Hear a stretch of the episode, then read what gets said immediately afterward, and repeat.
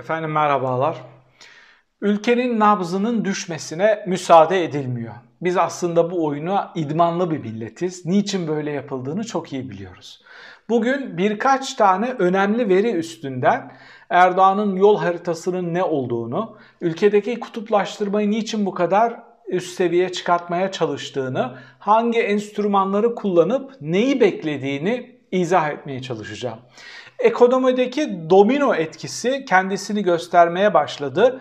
Enflasyondan, yüksek kurdan, pahalılıktan bahsetmiyorum. Bahsettiğim şey enerji açığı. Türkiye 3 gün sanayi bölgelerine doğal gaz veremeyecek.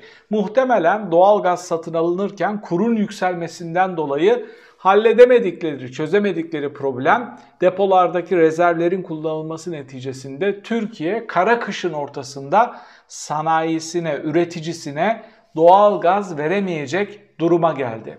Nereye gidiyorlar? Bir hafta Öcalan'la Demirtaş'ı tehdit edip bir hafta sonra Sezen Aksu üstünden Türkiye'deki dindarlarla laikleri karşı karşıya getiştirebilecek çatışmaları körüklüyorlar. Buradan netice alma imkanları, ihtimalleri var mı? Ya da şunu soralım. Buradan netice alabilmek için neyi bekliyorlar? Hangi zaman dilimini bekliyorlar? Bu saydığımız çatışma ve kutuplaşmaların ekonomiyle hiç mi alakası yok? Ekonomik çöküşün unutulmasını, konuşulmamasını sağlamak için mi bunları yapıyorlar? Yoksa aslında farklı beklentileri ve farklı planları mı var? Tüm bunları e, Metropol'ün açıkladığı 3-4 tane çok önemli ve birbirinden farklı saha çalışması verileriyle birlikte izah edip sizlere yorumlamaya çalışacağım. Tüm bu verileri özetliyorum.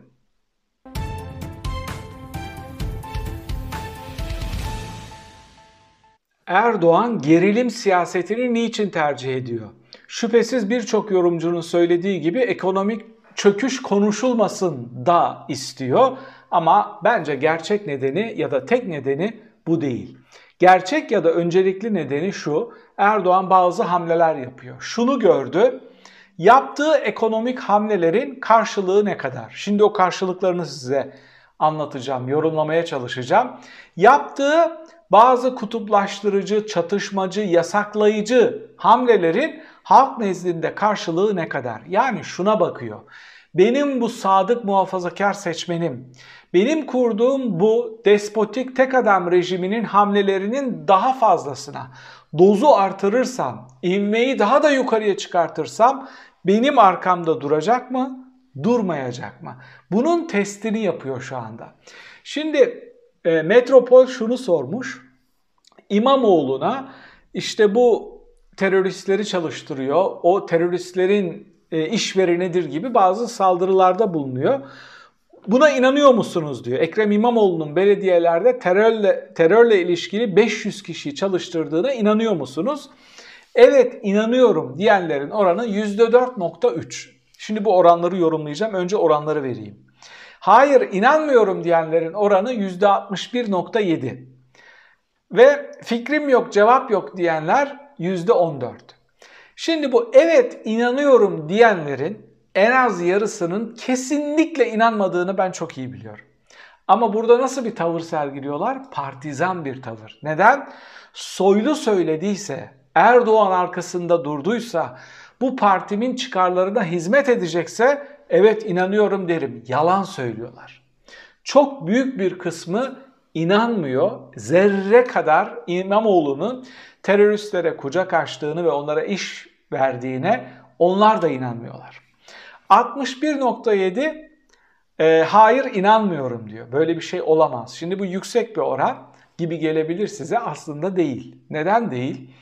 Bu kadar olmadığı çok bariz ve belli olan bir olaya sadece 61 nokta küsür, 61.7 hadi 62 diyelim oranında destek bulmak yüksek değil.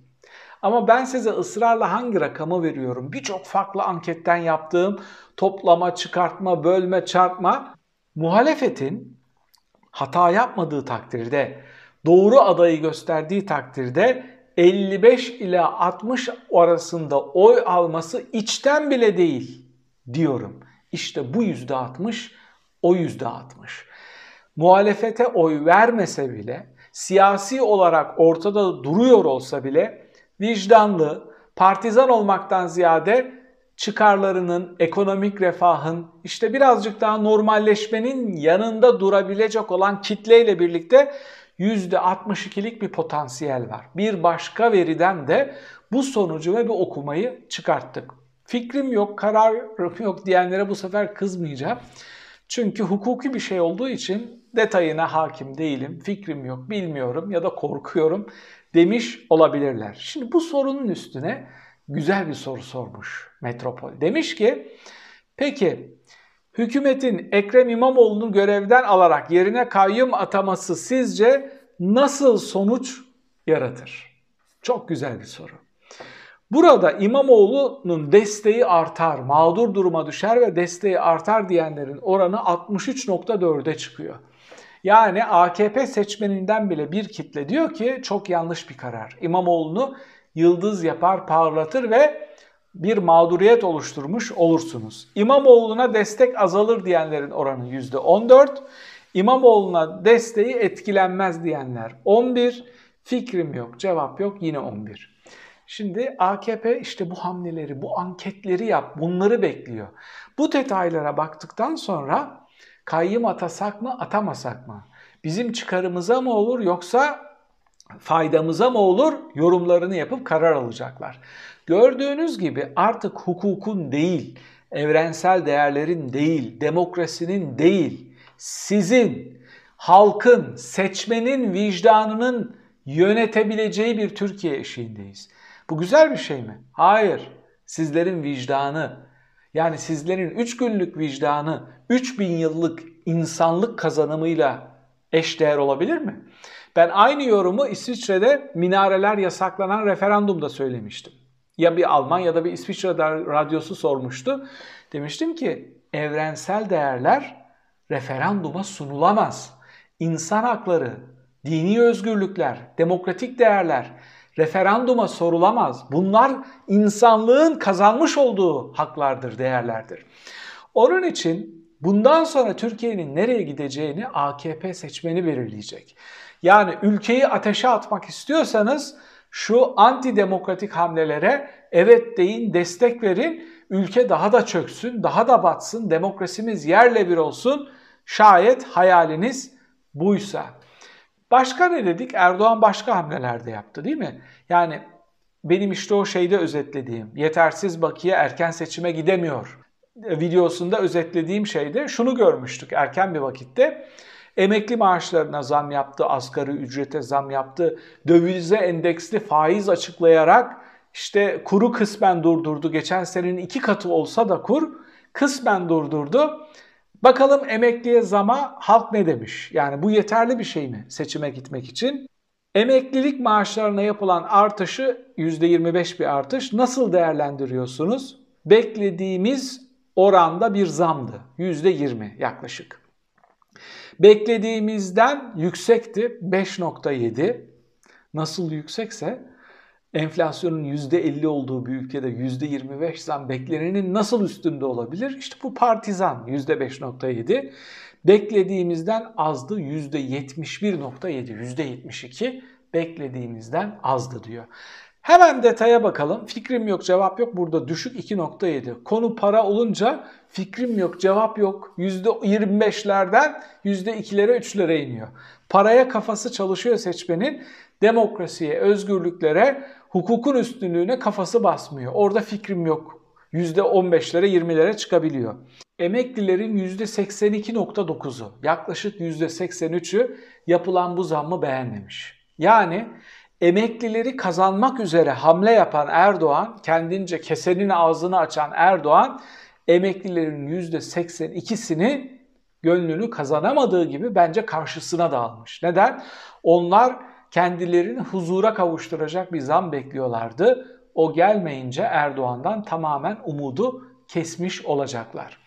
İşte bu verilerden sonra yani emekli maaşına yapılan zamlardan sonra ki burada da partizanlığı görüyoruz. Detaylı bir şekilde okuyup rakamlara boğmak istemiyorum videoyu.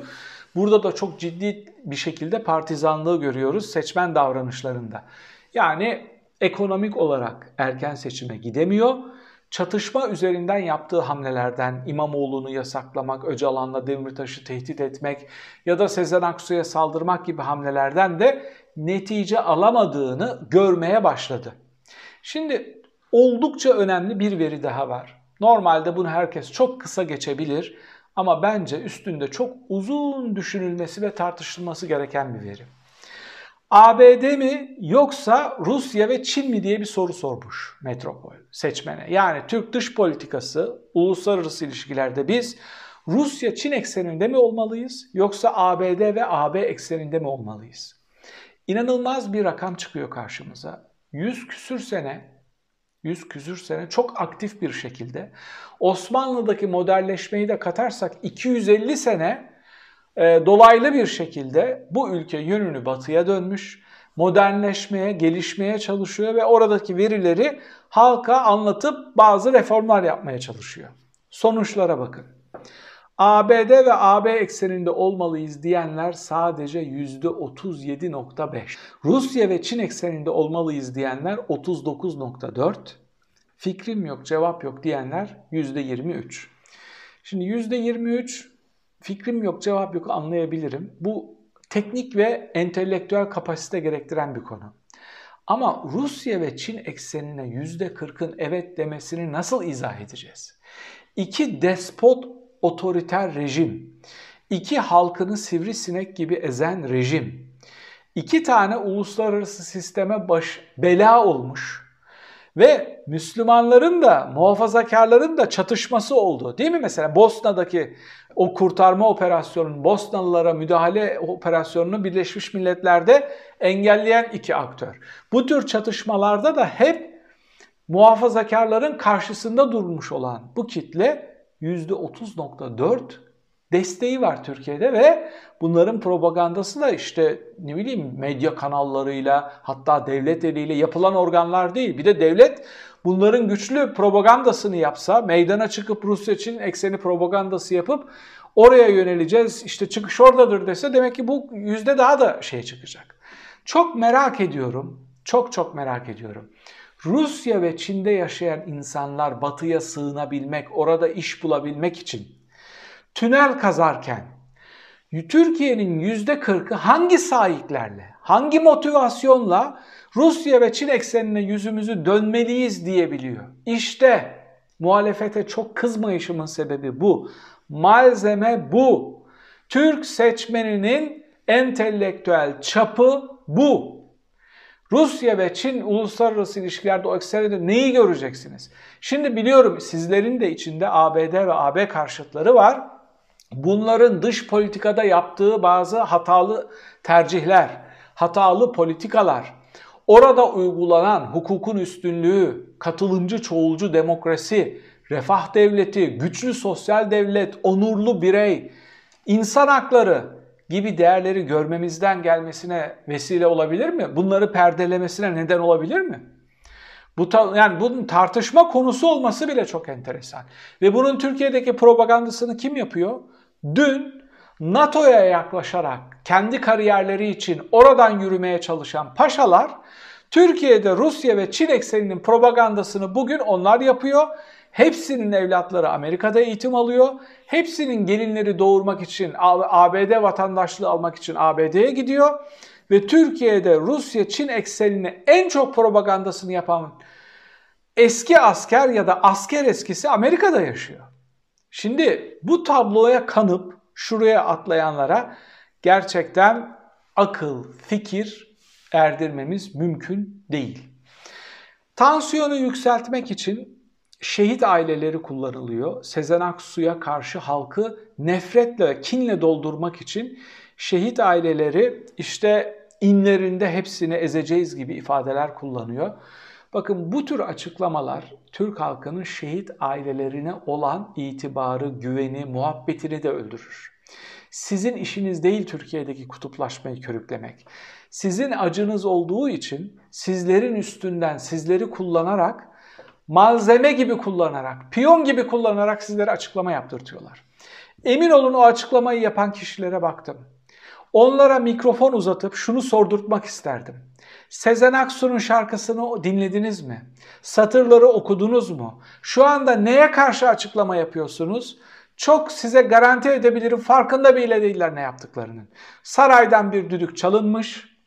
Ekonomik olarak Türkiye'yi refaha çıkartamayacakları, finansal enstrümanları kullanarak emekliyi, asgari ücretliyi kazanıp %50 artı 1'i bulamayacakları gerçeğiyle yüzleştiler. Türkiye'deki kutuplaştırmayı körükleyerek kimlik siyasetiyle bir şey yapabiliriz mi hesabı yapıyorlar. Uzun müddet size buradan bu tehditin altını çizmiştim. AKP'nin elinde kalan tek şey kimlik siyasetidir. Bunun üstünden kutuplaşma yapacak. Onun için ısrarla şunu söylüyorum. Muhalefet bu topa girmesin. Sezen Aksu'yu halk savunur. Sevenleri savunur. Ülkenin demokratları savunur. Tabii ki sisteminizi, tabii ki yanlış gördüğünüz şeyleri söyleyin. Ama kesinlikle bu kutuplaşma siyaseti içinde Erdoğan'ın tuzağına düşmeyin. Sorum şu, kasıtlı olarak artırılan ve ben aslında idmanlıyız dediğim bu gerilim bu sefer tutar mı? Kitleler bu gerilim üstünden tekrar tüm ekonomik çöküşü unutup sarayın etrafında kenetlenir ve reislerini omuzlarında tekrar iktidara taşır mı? Bunu tartışabiliriz. Toplumda ne görüyorsunuz? Bu kutuplaşmanın karşılığı var mı? Bir sonraki videoda tekrar birlikte olmak üzere efendim. Hoşçakalın.